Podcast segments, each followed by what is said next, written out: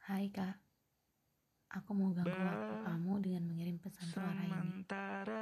Semoga berkenan untuk mendengarkan. kita mesra-mesranya Aku kenal kamu sebatas nama dan cerita dari orang-orang. Kecil-kecilan Tapi dulu entah bagian episode mana yang buat kita bisa jalan sejauh ini. Sampai semua mereda Aku nggak tahu bagaimana proses setiap dibangunnya kamu bisa jadi wanita paling tangguh yang aku kenal.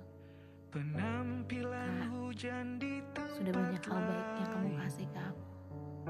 Pemandangan Dan maaf belum bagus di sempat tempat membalasnya. yang jauh Tidak banyak waktu yang dihabiskan di bersama. dekat rumah 24 saja. per 7 tidak pernah saling berkabar.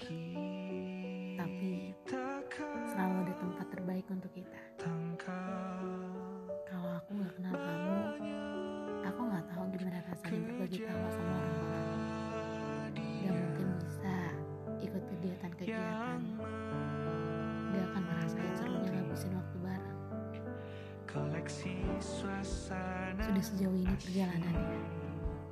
Terima kasih menjamuku dengan hangat, mewarisi hal-hal yang tidak bisa ditukar dengan cintanya besar-besaran meski Aku memang mesranya digabungkan. kecilan